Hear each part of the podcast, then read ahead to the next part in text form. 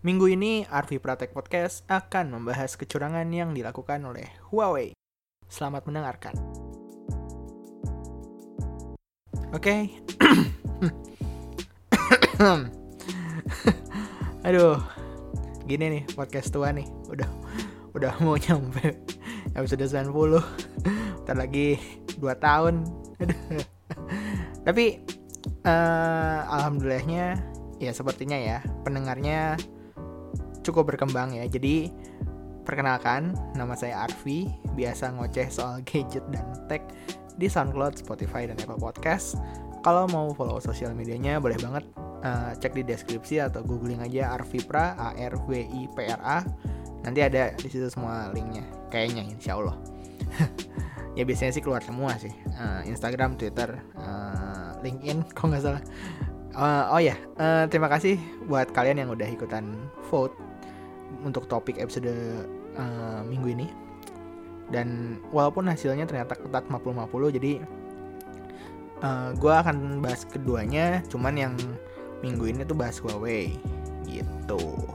Oh ya uh, selamat tahun baru Islam buat kalian yang merayakan. Ya kayaknya semuanya merayakan ya soalnya libur kan jadi uh, dimanfaatkan dengan baik.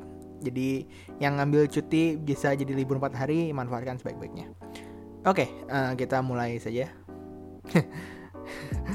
Formal banget. Oke. Okay. Uh, eh, jadi ini sebenarnya si berita ini, si isu ini, ini nggak baru-baru amat.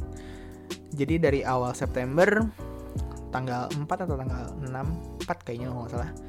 Beritanya tuh udah muncul di subreddit Android dan ya nggak nggak seheboh yang terjadi di sini kemarin gitu. Ya gue nggak tahu kenapa di Indonesia bisa ramai banget sampai masuk ke trending topik di Indonesia gitu. Pas waktu hari Jumat kemarin kalau nggak salah uh, jadi trending topik di Twitter.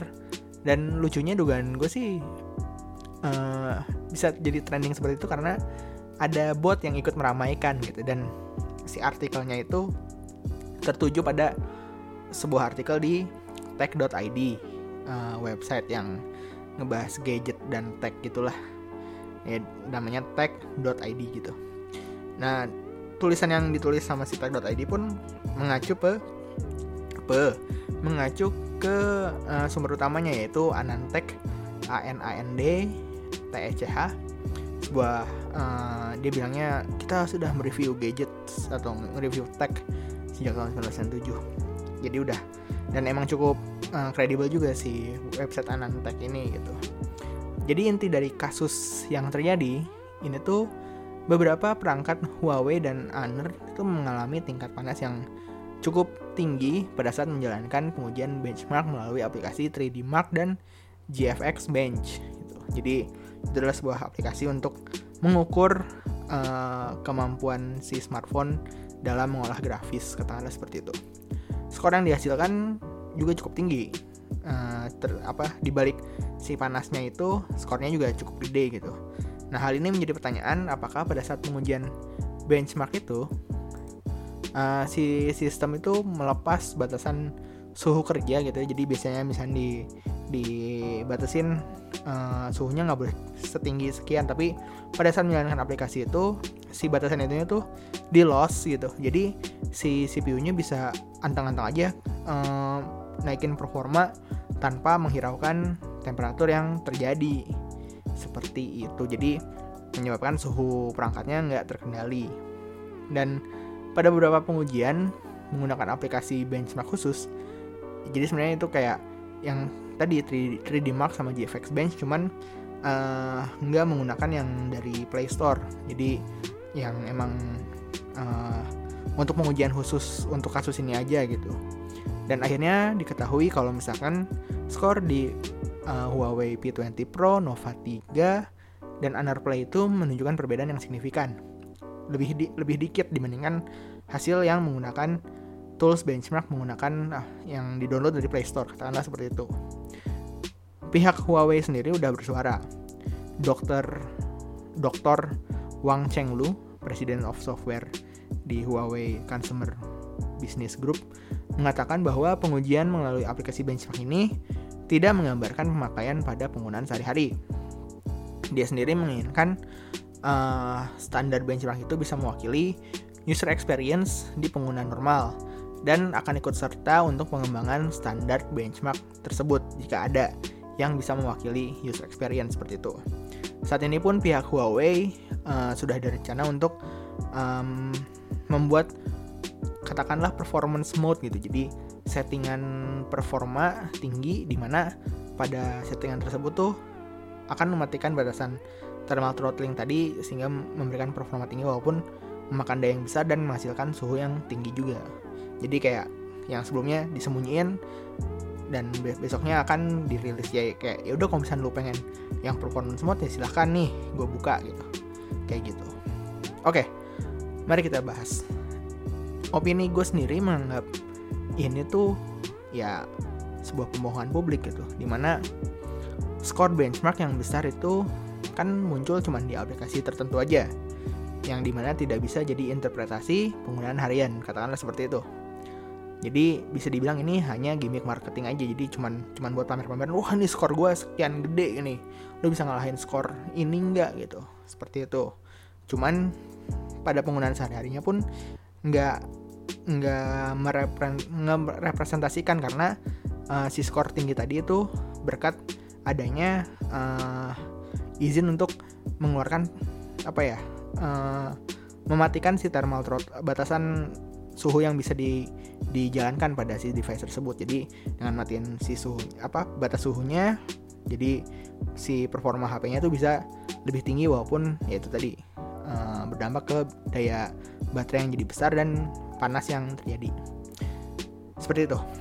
Jadi ya itu menurut gue ini sebuah pembohongan publik gitu kan mungkin ada beberapa orang yang wah gue beli ini gara-gara benchmarknya sekian dan segala macam cuman karena gue sendiri nggak menjadikan skor benchmark itu sebagai patokan saat membeli smartphone ya alhasil gue nggak sebegitu kecewanya gitu terhadap bisa-bisa aja gitu karena uh, gimana ya maksudnya nggak ya namanya juga skor ya. Apa namanya? Nggak apalagi di smartphone. Beda kalau misalnya di komputer. Ya apa namanya?